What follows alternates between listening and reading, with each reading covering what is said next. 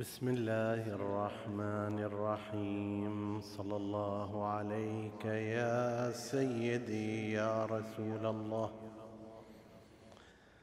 صلى الله عليك وعلى ابن عمك أمير المؤمنين وإمام المتقين.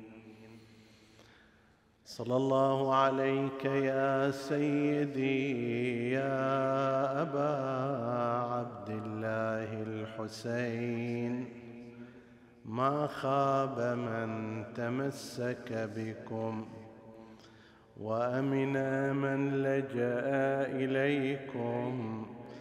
يا ليتنا كنا معكم. فنفوز فوزا عظيما. ولولا أبو طالب وابنه لما مثل الدين شخصا فقام فذاك بمكة آوى وحاما. وهذا بيثرب جس الحماما. وما ضر مجد أبي طالب جهول لغى أو بصير تعامى كما لا يضر إياب الصباح.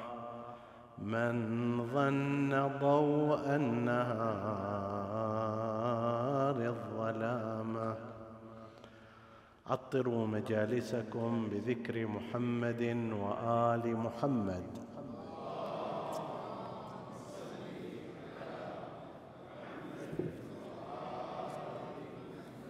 اللهم صل على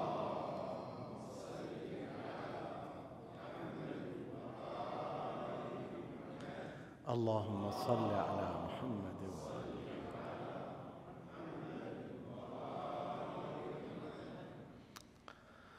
حديثنا بإذن الله تعالى بمناسبة ذكرى وفاة والد الأئمة المعصومين جميعا بطل الإسلام أبي طالب ابن عبد المطلب. نتناول في هذه الليلة شيئا من سيرته وتاريخه عرفانا بحقه وتقربا إلى أبنائه الطاهرين والتماسا للأجر والثواب. عند الله عز وجل. أبو طالب كنية غلبت على الاسم الأصلي لهذا الرجل.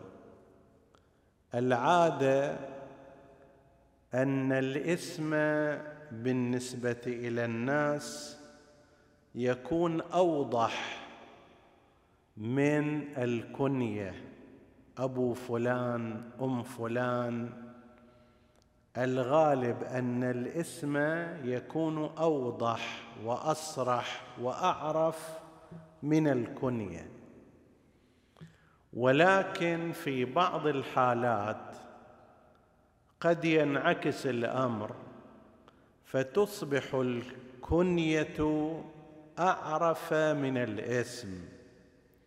وهذا مثل أبي طالب. أبو طالب كنية من الكنى ليس اسم هذا الرجل وإنما هي كنيته. ولكن عرف بها واشتهرت هذه الكنية حتى صارت أعرف من الاسم. ربما قسم من الناس لا يعرف اسم أبي طالب الحقيقي أو ينساه ولكنه يعرفه بكنيته. أما اسمه فقد ذكروا أنه يتردد بين اسمين.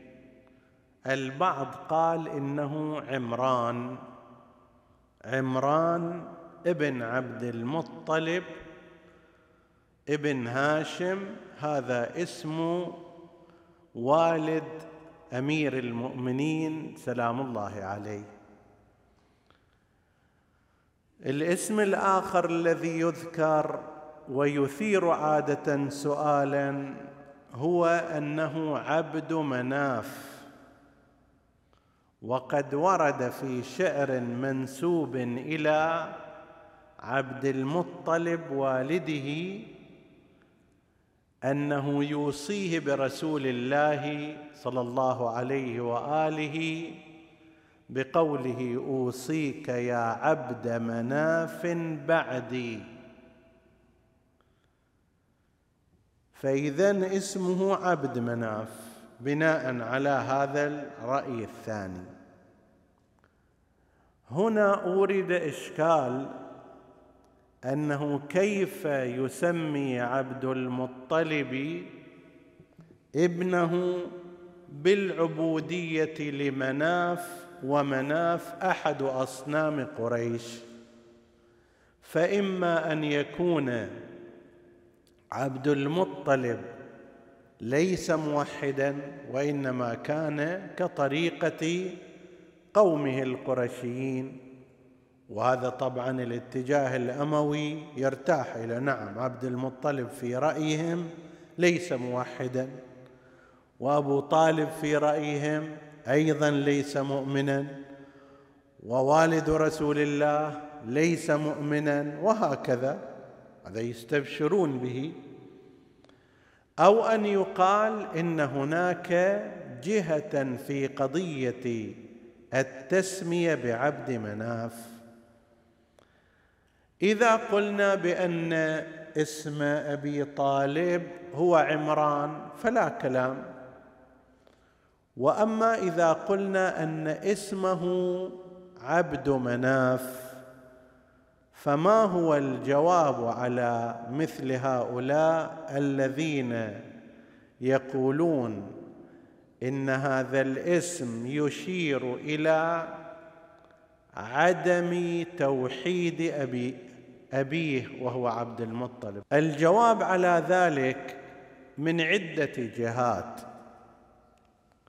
الجهة الأولى أن اسم مناف لم يتمحض لصنم من الأصنام وإنما سمي في فترة لاحقة وإلا أصل الاسم من الزيادة نافع ينوف نايف نواف مناف. هذه كلها تشير إلى الزيادة والارتقاء في اللغة العربية. ولم يتمحض هذا الاسم في أنه ملك لصنم حسب التعبير. ولذلك والد جد النبي صلى الله عليه وآله. آخر شيء نقول ابن عبد مناف. لا سيما في تلك الفترة والد جد النبي لم تكن الأصنام قد وصلت إلى الجزيرة العربية وإنما جاء بها كما هو المعروف بين المؤرخين رجل يقال له عمرو بن لحي رآها في خارج الجزيرة العربية فاستوردها إلى مكة والحجاز وهناك كل قبيلة سمت صنمها باسمها الخاص الذي تراه. هذه الأسماء أيضا هي أسماء مؤقتة لم تكن دائمة بحيث أنها لم تكن موجودة قبل زمان جد النبي على أنه اسم لصنم وإنما إشارة إلى من يعطي الزيادة مثل خالق مثل رازق مثل هذا مناف بمعنى الزائد والمعطي كان هذا موجودا. فهذا فد جواب. إن قبل هذا اكتفينا. وإذا لم يقبل يجاب بجواب آخر أيضا وهو أن الأسماء عند العرب في الغالب هي مرتجلة. مرتجلة ماذا يعني؟ يعني لا ينظر المسمي إلى مطابقة المسمى للاسم ومطابقة الاسم للمسمى وإنما يضع علامة. شلون أنت تخلي على مكان علامة X هذه X مو بالضرورة تعطي معنى ما تحتها. كذلك الأسماء عند العرب ولذلك تجد عند العرب أسماء عجيبة غريبة. قطعا صاحبها لم يكن قاصدا منها نفس المعنى. ويذكرون في هذا محاورة جرت بين شريك الأعور وبين معاوية بن أبي سفيان.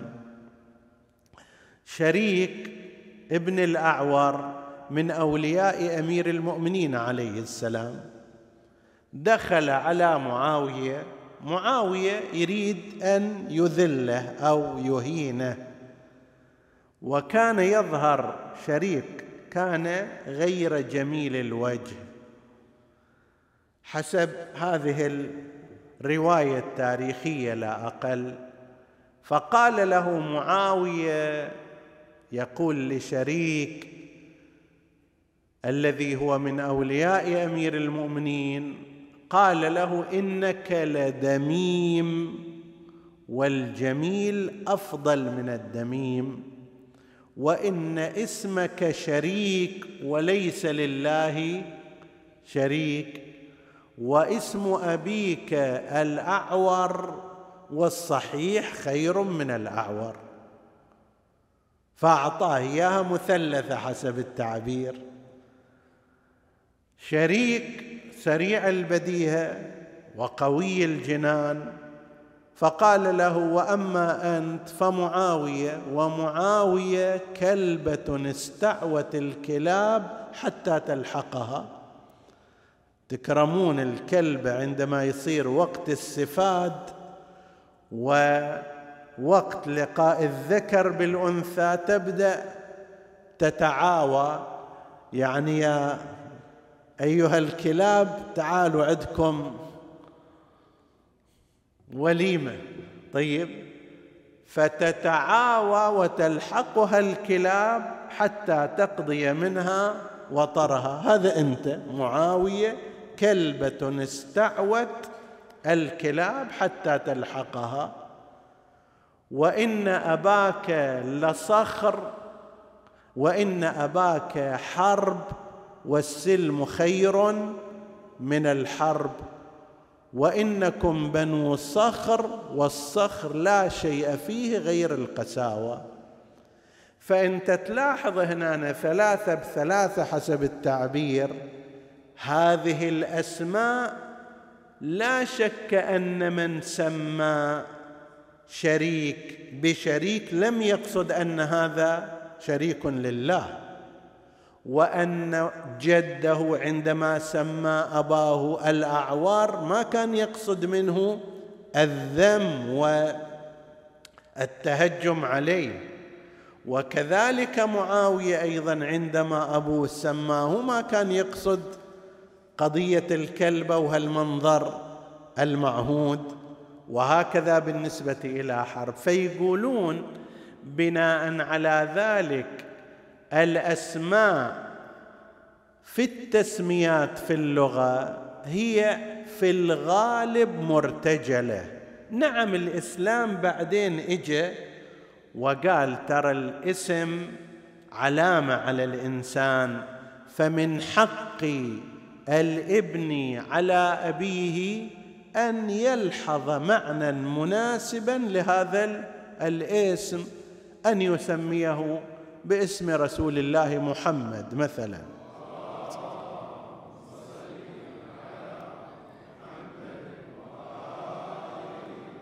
أو اسم من أسماء أهل البيت أو اسم ما يكون عليه مسبه أو محل مسخرة واستهزاء في المجتمع. وإلا فإن هذا الأمر في زمان العرب الأوائل ما كان واحد رجل طويل عريض كذا شخصية شنو اسمه؟ حنظلة. حنظلة شنو هذا القد حنظلة ومره المذاق ولا لا فيها حلاوة في الاسم ولا فيها حلاوة في المعنى. رجل كبير عريض سمي نخلة ما أدري كذا وأمثال هذا. فيقولون هذه الأسماء هي عبارة عن إشارات أسماء مرتجلة. فعندما يقول عبد مناف لا يقصد منها حقيقة أن هذا عبد لصنم من الأصنام الذي كان موجودا في ذلك الوقت. ونحن نقطع أن عبد المطلب الذي عرف عنه عند الجميع رفضه لعبادة الأصنام وانحيازه عن القرشيين في أمور كثيرة وغير فيها من السنن. كل ما كان يرتبط بالسنن الوثنية والتي تنتهي إلى قضية الأصنام غيرها عبد المطلب 11 سنة من السنن في بعض الروايات وفي بعض الروايات أكثر من ذلك سنها عبد المطلب ورفض فيها ما كان يعمل القرشيون وما فيها من مضامين وثنية وقد أقر الإسلام هذه السنن فيما بعد السنن التي سنها عبد المطلب فيما بعد جاء الإسلام وأقرها. في قضية تسبيع الطواف حول الكعبة وفي قضية الختان وفي تحريم الخمر وفي منع الزواج بالمحارم مجموعة أشياء تذكر. فليس من المعقول أن يكون هذا الرجل الذي عرف عنه بأنه يرفض الأصنام عبادة وثقافة وانحاز عنها وكان يتحنث ويعبد الله على طريقة إبراهيم الخليل الحنفية الإبراهيمية ويعتكف في شهر رمضان ويصوم فيما ورد في بعض الروايات. لا يعقل أن يكون ناظرا إلى أن يسمي أحد أبنائه باسم صنم من الأصنام. يسمي مثل عبد الله وهو والد رسول الله وأخ أبي طالب ويروح يسمي مثلا. واحد باسم صنم قاصدا بأنه عابد للصنم. هذا غير معقول.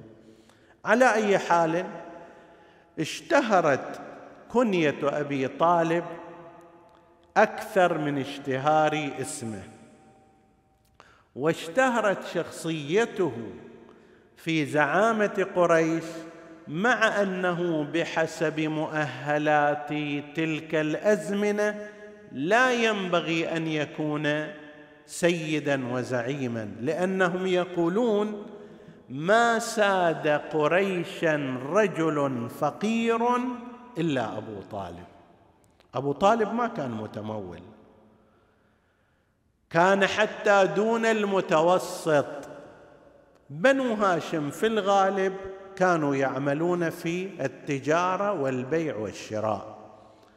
بسبب أن مصادر المعيشة في ذلك الوقت إما كانت مثل الغزوات قبيلة تغزو قبيلة ثانية وتأخذ الحلال مالها والأموال وكذا وتسوقها فتصير غنية ويقتسم الغزاة اموال تلك بنو هاشم ما كانوا يرتضون هذا ابدا.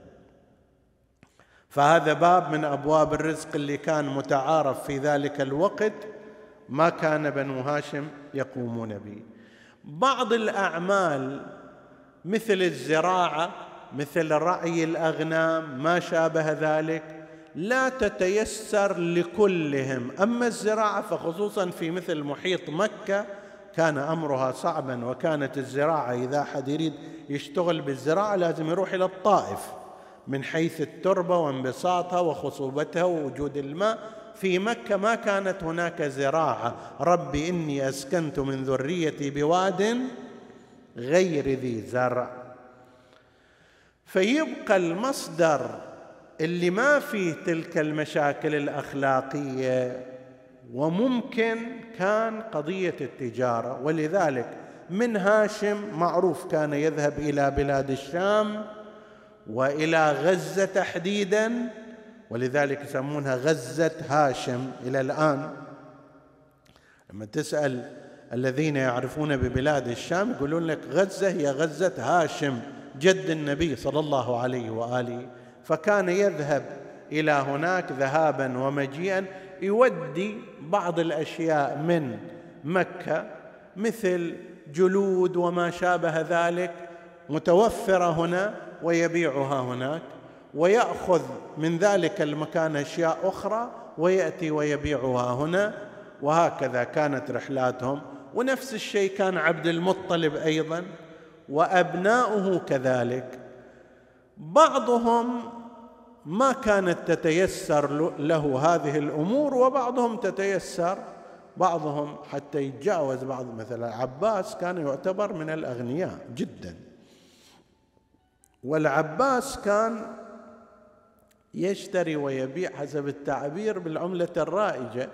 يعني إذا ربا هم يخالف إذا ما أدري قرض بزيادة ما يخالف إذا معاملة فيها زيادة هم يخالف. ولذلك لما جاء رسول الله صلى الله عليه وآله في خطبة الوداع المشهورة قال وإن أول ربا أضعه ربا عمي العباس. أول شيء نطبقه على خلاص. لكم رؤوس أموالكم. إذا أحد مقروض إلى عمي مثلا بمئة ما يرجعها مئة وعشرين؟ رجعها مئة. هذه الزيادة زيادة ربوية وهي مرفوضة. بس مع ذلك كان وضعه المادي قويا جدا وعنده مزارع يزرع فيها بعض عملته وفلاحيه في الطائف وكان عنده شراكات مع بعض كبار قريش. طيب أبو طالب ما كان كذلك كان عنده تجارة بسيطة ولذلك كان غير غني بل كان إلى الفقر أقرب. يشهد لذلك أن عبد المطلب والد أبي طالب والد العباس وباقي أولاده لما حضرته الوفاة وكانت السقاية والرفادة بيد عبد المطلب. سقاية ورفادة مثل وزارة الحج في هذه الأزمنة. وفيها شيء إضافي وهو أن صاحب السقاية صاحب الرفادة ينفق من أمواله في جهتين في الإطعام والإسكان وهو الرفادة وفي توفير المياه وهي السقاية. كان ذاك الوقت زمزم موجود بس لا يكفي للحجيج. وفي بعض الحالات كان زمزم يحتاج إلى ما يشبه التحلية اليوم. بالإضافة إلى حاجتهم إلى المياه من الآبار الأخرى. فلذلك صاحب السقاية والرفادة كان اولا مطلوب منا أن يجهز الطعام للحجاج الذين لا يتمكنون. جاي للحج بس ما عنده أكل. هذا رفادته وإطعامه على صاحب الرفادة. وبعضهم أيضا لم يكن يمتلك المياه ونفس الكلام لا بد من جلب المياه إليهم لحاجاتهم. كل هذا من يقوم بها صاحب السقاية والرفاده واللي هي منصب ديني مهم واجتماعي كان بيد عبد المطلب. قالوا أن عبد المطلب أقرع بين أبنائه لأن كل واحد يريد هذا المنصب. فأقرع بين أبنائه من تكون له الرفادة والسقاية فخرجت القرعة على أبي طالب. أبو طالب ما عنده وطبعا كان يريدها ويتشرف بها لكن المشكلة هي المشكلة المالية. فأول سنة بعد وفاة والده صار قريب موسم الحج ما عنده فلوس. فاقترض من أخيه العباس ابن عبد المطلب. قالوا مبلغ خمسة عشر ألف درهم. خمسة عشر ألف درهم الآن كثيرا فكيف بذلك الزمان؟ خمسة عشر ألف درهم يعني ألف وخمسمائة دينار ذهب. الآن لو تقدر ألف وخمسمائة دينار ذهب شقد هذه المثقال ألف وخمسمائة مثقال ذهب بشقد. اسألوا الصاغة. قيمة عالية جدا. بالنسبة إلى أبي طالب كانت صعبة بس خب بعد هذا هو. فأخذ قرضا من العباس أخيه. أكمل موسم الحج وتولى الرفادة. سقى الناس أطعم كذا كذا. صار بعد الحج. العباس يقول له سدد إلي. يقول له إن شاء الله الله يفتح علينا. خب أكيد ما ما عنده مجال هذا. إلى أن صار قريب موسم الحج الثاني فإجهم أبو طالب كما قالوا لكي يقترض من أخيه. هذا يدري أن أبا طالب ليس في إمكانه هذا هذه المبالغ. فقال له أنا أقترح عليك هذا العباس عجيب تاجر من ذاك النوع اللي يعني لازم يشتغل في الول ستريت كما يقولون. فقال له أنا أقترح عليك هذا القرض اللي أنت أخذته الخمسة عشر ألف درهم أنت بريء منه بس حول إلي السقاية والرفادة هي حقك. حولها إلي وأنا أتولاها بالكامل. أنا أصرف فيها وأنا عندي كفاية في ذلك. أبو طالب على مضض. بس شو يسوي بعد؟ كل مرة يقترض ويتورط. فأحالها إلى أخيه العباس. طيب لذلك لما تجي فيما بعد في قضية التفاضل القرآن يقول أجعلتم سقاية الحاج. وعمارة المسجد الحرام كمن آمن بالله؟ لا ترى. هذه مهمة زين ولكن فرق كبير بين هذا وبين ذاك. الشاهد هذا يقول لك من الشواهد وغيره أيضا على أن أبا طالب لم يكن صاحب مال ومع ذلك ساد قريشا. هذا مثل أن تقول مثلا في تجمع المليونيرية في فلان مكان في البورصة واحد فقير جو صار رئيسهم والآمر بينهم. هذا جدا غريب وغير طبيعي. في كل مكان الرئيس منهم هو من يمتلك ما يمتلكون ويفوقهم. في الحوزة العلمية لازم يكون عالم ويتفوق على غيره في العلم. لو واحد اجى قال أنا عندي فلوس يقول له لا مسامحة. إحنا ما نخلي واحد رئيس الحوزة عنده فلوس واحد عنده علم ما يخالف. بس لو راح إلى ميدان الاقتصاد ورئاسة البنوك والتجارة ورئاسة الغرفة التجارية وما شابه ذلك قل له عمي أنت كجا مرحبا كما يقولون. لا عندك استثمار لا عندك رأس مال لا عندك فلوس لا عندك كذا. فأنت ما تصلح إلى مثل هذا الموقع. الفقير الذي ساد قريشا وقريش هي مجتمع المال والثروة وبها يتفاضل القبائل والرجال سادهم فقير ليس له ما لديهم من الأموال وكانوا يخضعون له. صلوات الله عليه. كان شيخ البطحاء سيد قريش مع أنه لم يكن يمتلك ما يمتلكون من المال ولكنه كان يمتلك تلك الشخصية القوية والتدبير الحسن والعقل الراجح. ولذلك نصر رسول الله صلى الله عليه وآله بما لم ينصره أحد حتى أشجع الناس.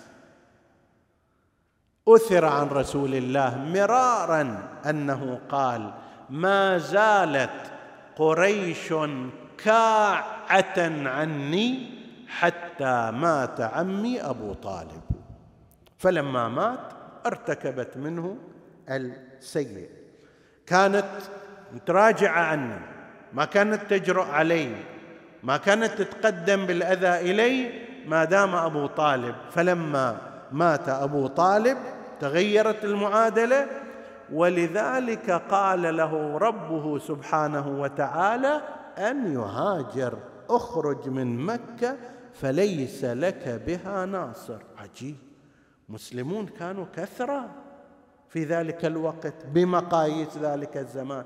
بس ليس لك ناصر يستطيع أن يؤدي ما كان يؤديه أبو طالب عليه السلام. أبو طالب تأريخه مع رسول الله مو من بعد الدعوة منذ أن كان عمره أي النبي ثمان سنوات.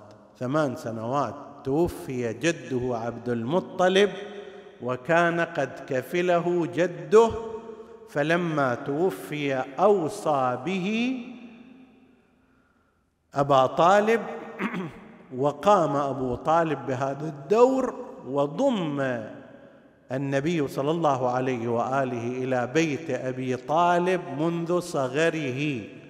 وكان تحت حماية عمه أبي طالب ورعاية زوجة عمه فاطمة بنت أسد سلام الله عليهما. في هالفترة بقي رسول الله صلى الله عليه وآله إلى أن نزل عليه الوحي بأن يبدأ بتبليغ الرسالة. أول ما يتلفت أي إنسان هو إن يلتفت إلى أقاربه اخوانه إذا عند إخوان اعمامه إذا عند أعمام. هذول من يتوقع منهم أن ينصروه وأن يدافعوا عنه. إما للعلق لعلقة القرابة أو للإيمان بالرسالة. فجاء رسول الله صلى الله عليه وآله إلى عمه العباس ابن عبد المطلب. اولا جاء إلى العباس. سال ليش هذا؟ هل باعتبار أن العباس كان له علاقات وثيقة مع كبار القرشيين وبالتالي من الممكن أن يلاحظوا في ابن أخيه علاقتهم معه فما يعتدون عليه. هل هذا احتمال؟ أو لا احتمال أن النبي صلى الله عليه وآله أراد أن يظهر بذلك فضل أبي طالب فيعرض الأمر اولا على بقية الأعمام اللي محتمل أن ينصروه. لا يصير واحد يقول أوه لو جيتنا من قبل إحنا سوينا اللي تبغى بس أنت بعد خلاص رحت وتأخرت وتكلمت مع غيرنا انتهى الموضوع. لو لو قلت لنا من قبل كنا نسوي وياك. هذا قسم من الناس هكذا يصنعون. قل ليش ما تتساعد في فلان موضوع؟ والله أنت رحت إلى فلان واحد وساعد. طيب أنت هم ساعد الآن؟ أكثر من ذاك الثاني. أعطي أكثر من ذاك. أبدي اهتماما أكثر من ذاك إذا كنت صادقا. قد يكون لهذه الجهة حتى يظهر بذلك فضل أبي طالب. فجاء النبي صلى الله عليه وآله إلى عمه العباس. رجل متمول عند أموال كثيرة. فقال له يا عم إن الله سبحانه وتعالى قد أوحى إلي وأمرني بتبليغ الوحي إلى الناس أن أدعوهم إلى عبادة الله وحده وأن يتركوا عبادة الأصنام والأوثان. فهل لك أن تعينني على ذلك؟ تعاوني على هذا الأمر. العباس توقف قليل. فكر هالاستثمارات اللي عنده وهالشراكات اللي ويا آخرين وهل كذا. فقال له يا ابن أخي أنت تعلم ما بيننا وبين قريش. بين بني هاشم وبين قريش من المنافسة والمماحكة والعداء التاريخي موجود. هذا كله وإحنا ما قايلين هالحكي. فلو قلنا لهم ذلك لرمونا عن قوس واحدة. يعني راح يتحدون علينا كلهم ويحاربوننا. اذا ماذا نصنع؟ قال الرأي أن تقرب إلى عمك أبي طالب. هذا الرجل التاجر الغني الثري الشخصيه يعتصم بمن؟ بذلك الفقير السيد صاحب المهابه الرأي أن تقرب إلى عمك أبي طالب فإنه لا يخذلك خلينا نقوم نروح. زين. فقام مع قام رسول الله مع العباس إلى أبي طالب. أول ما دخلوا اثنينهم أبو طالب ذكي. قال إن لكما لتظنة وخبرا عندكم جايين؟ واحد تاجر شغلته بالسوق وكل يوم يتابع مع البورصة وما أدري كذا. جاي ويا ابن أخيه الذي هو ليس في هذا الوادي أصلا في وادي الإيمان والتقوى والاعتكاف وعبادة الله. عكوفه خبر. قال له رسول الله بلى يا عم. وذكر له نفس ما ذكره لعمه العباس. وقال له أنا رحت إلى عمي العباس فقال هلم بنا إلى عمك أبي طالب ونعرض عليه الموضوع. فقال أعد علي ما قلت. أعاد عليه الرسول قال له إن الله بعثني بشيرا ونذيرا وأن وأنا لكي أنهى عن عبادة الأصنام وأدعو أدعو الناس إلى عبادة الله وحده لا شريك له. وإحنا جايينك نريد أن تشير علينا. فقال يا ابن أخي أظهر ثم أظهر ثم أظهر فإنك الرفيع كعبا والأعلى حسبا. ونسبا والله لا ينالك منهم ألسنة حداد إلا نالته منا أسنة حداد. والله لتذلن لك العرب كما تذل البهم لحاضنها. ولقد أخبرني أبي عبد المطلب وقد قرأ الكتب أنه يبعث من صلبه نبي من الله عز وجل. الله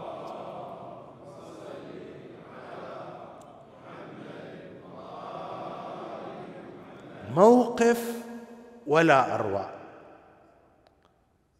وقوة قلب ولا حدود لها. قول كلامك اطلع بلغ تكلم قريش شنو؟ رمونا عن قوس واحدة شنو؟ إذا واحد يكلمك بلسانه الرد عليه بالسيف. لا ينالك منهم ألسنة حداد كلمة حادة إلا نالته منا أسنة حداد. سيوف حادة تواجهه. بعدين أنت راح يصير المستقبل إلك شلون البهم صغار الغنم هاي تصير ذليلة إلى راعيها تخضع إليه تنزل إليه يأمرها الصوب تروح يأمرها ذاك الصوب تروح العرب ستذل إليك هكذا. وبالفعل سبحان الله أنت لو فتحت عينك على الدنيا اليوم لما رأيت إلا مصاديق لهذا كل المسلمين عربهم وعجمهم وتركهم ومن مختلف الجنسيات. الكل يريد أن يثبت أنه أكثر خضوعا لرسول الله. الله.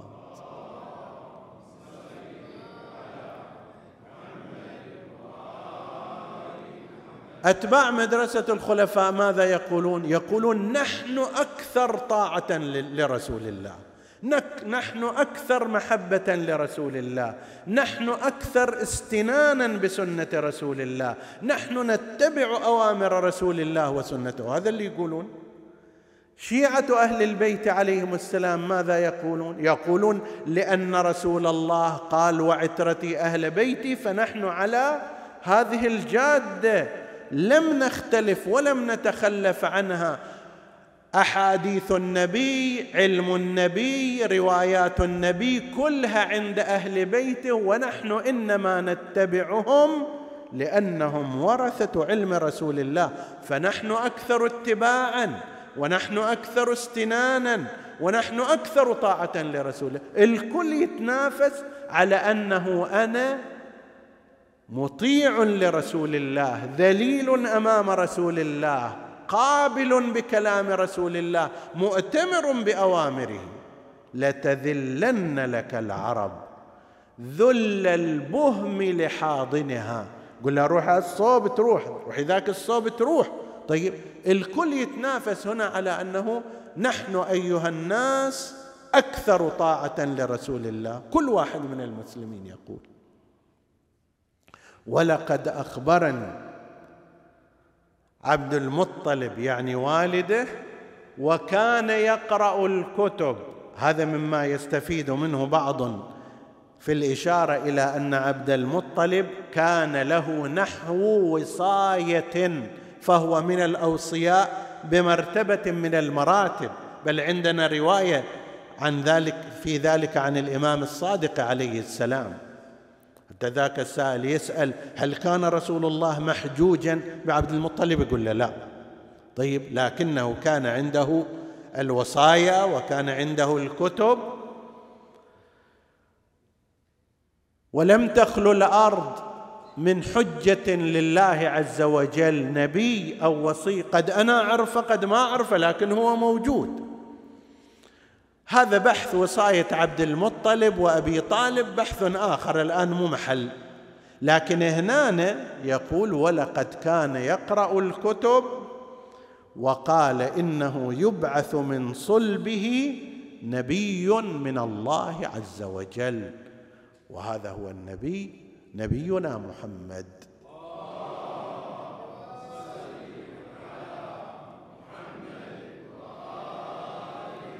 وبدأ مشوار الحماية والعناية والدفاع بعد مشوار الإيمان به. حقيقة من مفارقات الزمان. أبو طالب له نحو أربعة آلاف بيت شعر وكان من الشعراء المجيدين والمكثرين وهذا قل أن يجتمع في شاعر. بعض الشعراء مجيد شعره فخم وقوي لكن قليل. وبعض الشعراء مكثر عنده قصائد كثيرة جدا ولكن مو كل شعره قوي ومتين ووزين. أبو طالب يوصف عند الأدباء بأنه كان مكثرا ومجيدا. في هذا الشعر تجد فيه مختلف فنون الإعراب عن الإيمان برسول الله عن الإيمان بالله عن الموقف مع رسول الله صلى الله عليه وآله. واللي يريد بس يرجع إلى أي كتاب من الكتب التي كتبت في هذا الباب. إحنا تشرفنا بأن كتبنا كتيبا بعنوان إنهما ناصران أبو طالب وخديجة بنت خويلد. فيه عدد من الأشعار الواضحة والصريحة في إيمان أبي طالب. ودعوتني وعلمت أنك ناصحي ولقد صدقت وكنت ثم أمينا ولقد علمت بأن دين محمد من خير أديان البرية دينا وأمثال ذلك كثير ومواقفه التي تعرب عن قوة دفاعه عن رسول الله. كذبتم يخاطب قريش كذبتم وبيت الله يبزى محمد ينخذل لا كذبتم وبيت الله يبزى محمد ولما نطاع دونه ونناضل ونسلمه حتى نصرع دونه ونذهل عن أبنائنا والحلائل. تتصوروا أن هذا حي تهبيط لا. ما راح يسلم ما راح يخذل إلا بعدما إحنا كلنا نقتل. ما دام سيوفنا بأيدينا سنناضل عنه سنقاتل عنه سندافع عنه سنذهل عن حلائلنا وزوجاتنا وأبنائنا في سبيل الدفاع عنه ولذلك كان رسول الله صلى الله عليه وآله حتى لا تنسى ذاكرة المسلمين. جهاد أبي طالب يستنشد شعره ويطلب أن يذكر في غزوة بدر المعروفة وهي الغزوة الفاصلة عند المسلمين. أول معركة وأعظم معركة كان فيها إما ينكسر المسلمون أو ينخذلوا أو أن ينتصروا. بعدما برز الهاشميون لا بل المطلبيون أمام الأمويين يعني كأنما عاد التاريخ مرة أخرى عتبة ابن ربيعة شيبة ابن ربيعة الوليد ابن عتبة أمويون ثلاثتهم. أبرز إليهم رسول الله صلى الله عليه واله حمزة ابن عبد المطلب عمه علي بن أبي طالب ابن عمه عبيده ابن الحارث ابن عبد المطلب أيضا ابن عمه. فهم مطلبيون جميعا في مقابل أولئك الأمويين.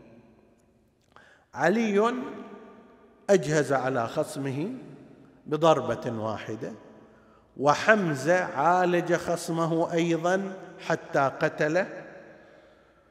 وساعده أمير المؤمنين. وعبيدة تبادل الضرب مع خصمه فقطعت ساق عبيدة بن الحارث بن عبد المطلب. وظل ينزف. ذاك انقتل بس هذا أيضا قطعت رجله. ويعني انتهى به الأمر إلى أن أصبح شهيدا فيما بعد فحمل وهو ينزف إلى خيمة رسول الله صلى الله عليه وآله. فلما رأى النبي ذلك حمزة من صوب علي من صوب عبيدة من صوب قال من ينشدنا شعر أبي طالب؟ النبي يعرفه ولكن لم يكن ينشد الشعر رسول الله صلى الله عليه وآله وما ينبغي له. فقال أحدهم كأنك تقصد وأبيض يستسقى الغمام بوجهه ثمال اليتامى عصمة للأرامل. قال هذا شعر أبي طالب ولكن لست إياه أريد. الموقف يقتضي شعر آخر. فقام أحد الهاشميين وقال تقصد قوله كذبتم وبيت الله يبزى محمد ولما نطاع دونه ونناضل قال بلى إياه أرد. فأنشد ذلك الشعر نسأل هنا. أحسن من هذا الشعر؟ أكو آيات قرآنية في حث الجهاد والمجاهدين. ذاك الوقت نزلت الآيات المباركات. في آيات قرآن. لا في كلام النبي وكلام النبي أفصح من كلام أبي طالب بلا شك ولا ريب. ليش النبي يترك آيات القرآن المناسبة فضل الله المجاهدين على القاعدين اجرا عظيما. ولا ينصرن الله من ينصره. وأمثال ذلك. طيب. أيضا هو يقدر يتكلم النبي وقد أوتي جوامع الكلم. لا لكن هنا لازم يجي يحضر شنو؟ أبو طالب. ذكر أبي طالب. يعني أيها المسلمون لا تتصورون أن الإسلام قام هنا. قام عندما كان أبو طالب يقاتل وحده ويقاوم وحده أمام مجتمع كامل هو مجتمع قريش. ذات مرة ذات مرة خرج النبي صلى الله عليه وآله أيام كان في مكة قبل هجرته ليطوف حول البيت ويصلي. في فناء البيت وجد جماعة من كفار قريش أبو جهل أمية بن خلف وأمثالهم أبو سفيان وغيرهم. فجاء النبي في شأنه وطاف وصلى. بدأوا حسب التعبير يتحرشون بالنبي. فقال بعضهم كيف مر محمد ولم يسلم؟ هل هناك من يقوم إليه ويسخر منه؟ عبد الله بن الزبعر السهمي قال أنا هذا نفسه اللي استشهد بشعره يزيد بن معاوية فيما بعد. قال لعبت هاشم بالملك فلا خبر جاء ولا وحي نزل هو هذا. قال أنا قالوا ماذا تصنع؟ قال آخذ سل البعير مثل مشيمة الغنم وكذا الأوساخ واخليها على ظهره. إهانة إليه.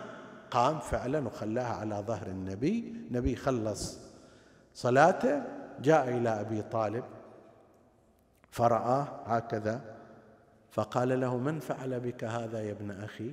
قال قريش عند المسجد الحرام وقص عليه الحادثة. فغضب أبو طالب. قال يا فتيان بني هاشم قوموا وليأخذ كل رجل منكم بحديده خليه تحت ثيابه. اجوا. يهمون لما كفار قريش شافوا أبو طالب جاي بهمة خافوا فأرادوا أن ينسلوا كل واحد يتسلل. قال إن قام أحدكم جللته بالسيف. مكانكم. ما أحد يتحرك. فجلسوا حائرين ما الذي سيصنع بهم؟ فأمر أحد فتيان بني هاشم قال خذ السلا ومرره على سبالهم وعلى رؤوسهم بخرهم وطيبهم واحد واحد. طيب وهم قاعدين كأن على رؤوسهم الطير وهو يقول إن قام أحدكم جللته بسيفي.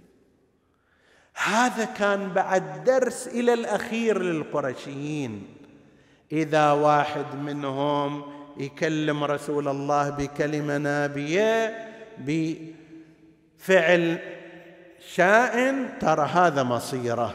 ولذلك بعدين صاروا يتفاوضوا وياه. يا رسول الله خب خلي يسكت ليس بأصنامنا خلي كذا.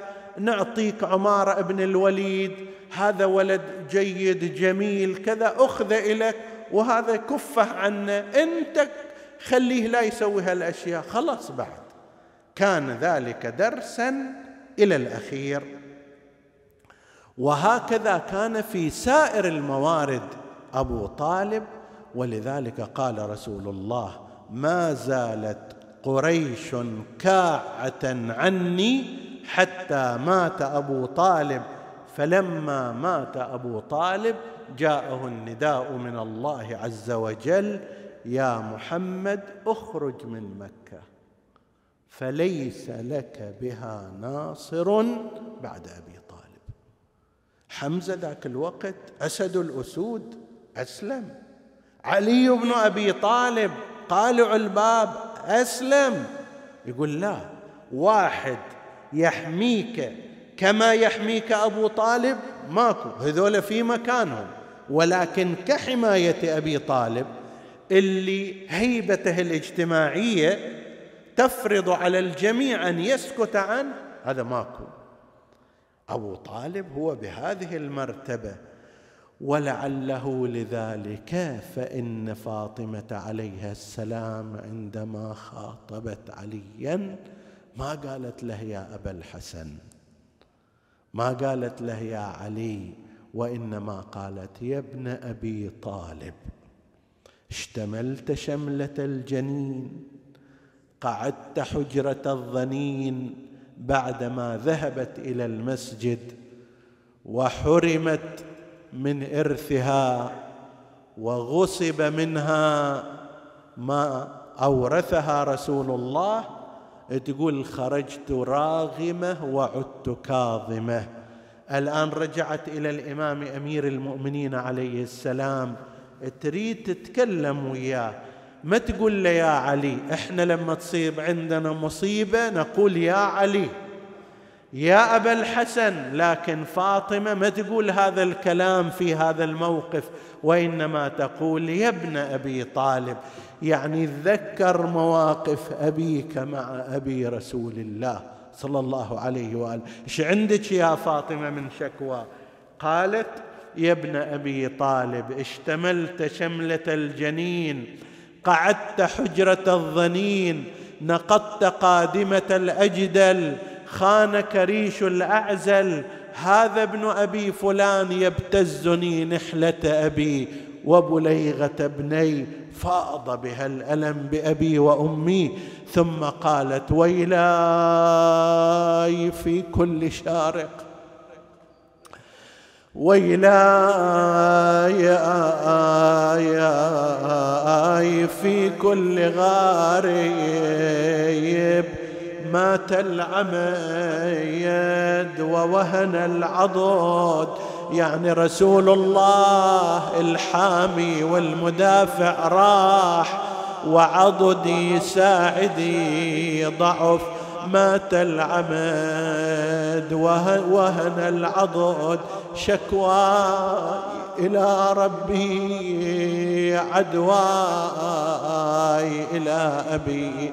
قال لها لا ويل عليك يا فاطمة بل الويل لشانئك وظالميك كأني بها التفتت إليه يا علي لو تلحظ بعينك. ثبير تزلزل وذايا.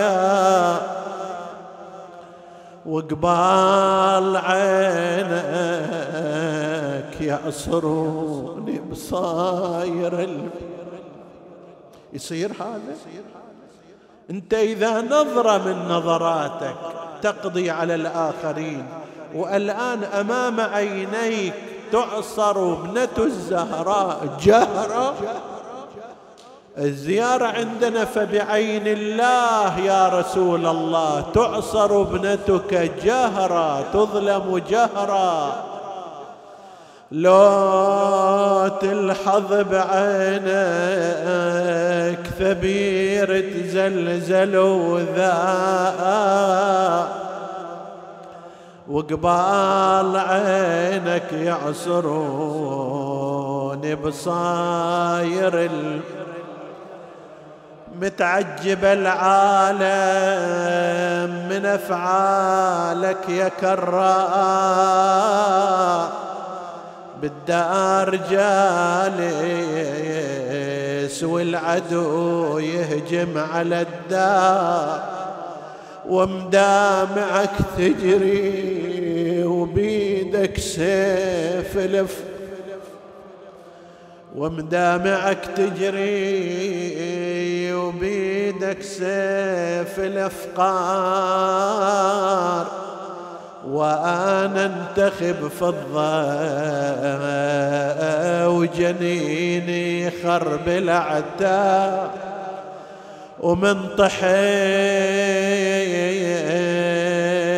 عند الباب مني الضلع مكسور. ومن طحت عند الباياب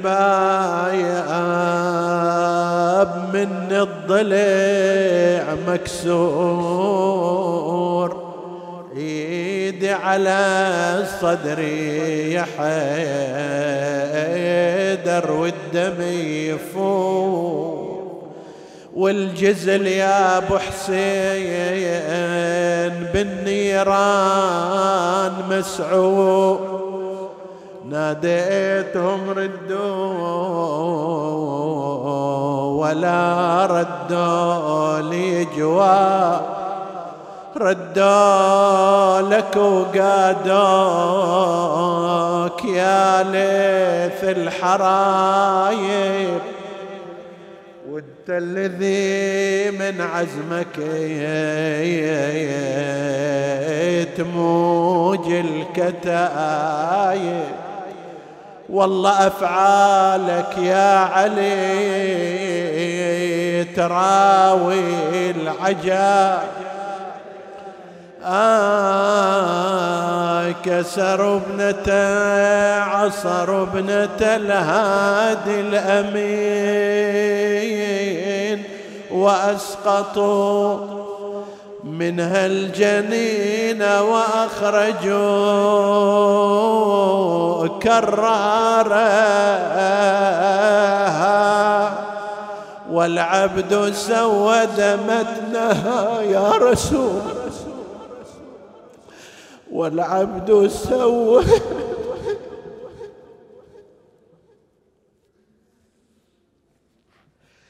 والعبد سود متنها فاستنصرت حسرى فليتك تسمع. إنا لله وإنا إليه راجعون. نسألك اللهم وندعوك باسمك العظيم الأعظم. الأعز الأجل الأكرم يا الله. اغفر لنا ذنوبنا كفر عنا سيئاتنا آمنا في أوطاننا. لا تسلط علينا من لا يخافك ولا يرحمنا.